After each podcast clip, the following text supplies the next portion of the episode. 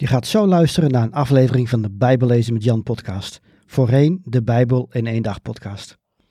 De genoemde links in deze uitzending kunnen verouderd zijn.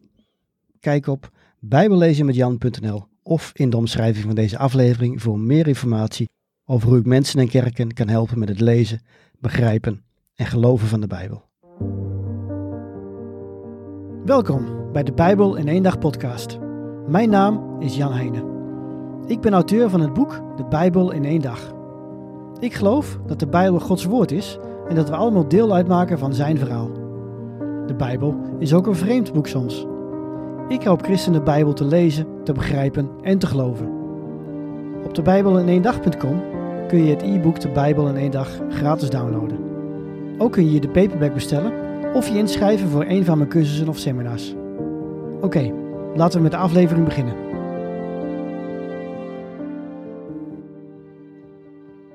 En in deze aflevering staat het Bijbelboek Prediker centraal.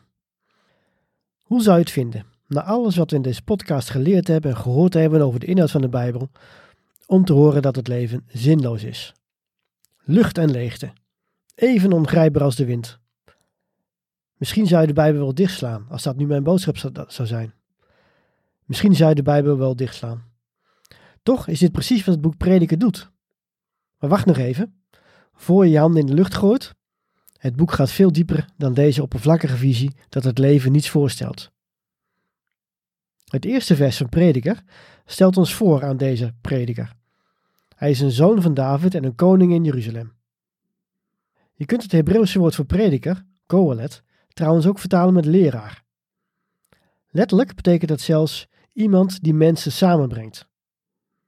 Wie deze man werkelijk was, dat weten we niet. Sommigen denken Salomo, of een andere latere koning. Het is in ieder geval iemand die zich voordoet als een Salomo-achtig figuur.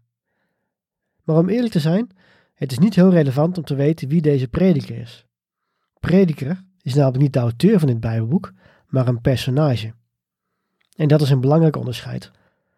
Als schrijver gebruik ik personages om een bepaald punt te maken. Maar dat wil niet zeggen dat ik het eens ben met wat hij of zij doet of zegt. Ik heb hem of haar wel nodig om het verhaal in een bepaalde richting te duwen. En de auteur van Prediker gebruikt deze verteller op dezelfde manier.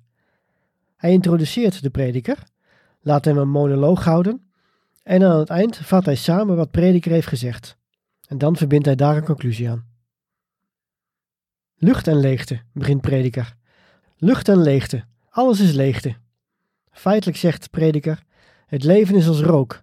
Je ziet het, je voelt het, maar het is ongrijpbaar en het kan zomaar uit je handen glippen. Hij gebruikt talloze voorbeelden om aan te tonen dat het eigenlijk niet uitmaakt wat wij doen. Zo heeft Prediker als koning feesten georganiseerd waarbij de wijn rijkelijk vloeide, paleizen en wijngaarden gebouwd, goud en zilver verzameld en het bed gedeeld met vele vrouwen.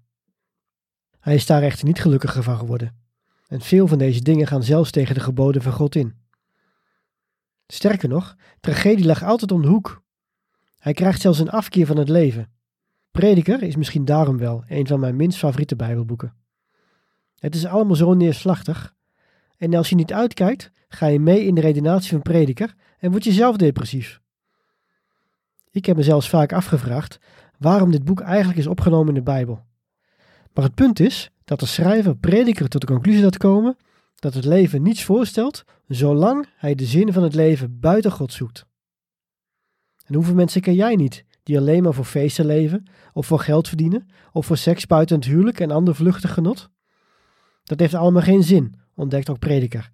De tijd tikt gestaag door en niets verandert. Onrecht en verdrukking zijn van alle tijden. Uiteindelijk ga je dood en weet niemand meer wie je was.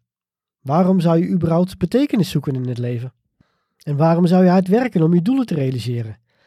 Denk eens aan alles wat het je kost: tijd, energie, stress. Toch is prediker zich wel bewust van God. Af en toe benoemt hij dat we God niet moeten vergeten en dat het beter is te leven zoals hij dat wil. Dan is het wel degelijk mogelijk om vreugde te vinden in het leven, te genieten van eten en drinken en je eigen man of vrouw te beminnen. Hij adviseert dus dat we lucht en leegte accepteren en dat we een gematigd leven leiden. Geniet vooral ook van de dagen van je jeugd, maar wel met ontzag voor God. En hier zie je dus weer het centrale thema van de Bijbel terugkomen.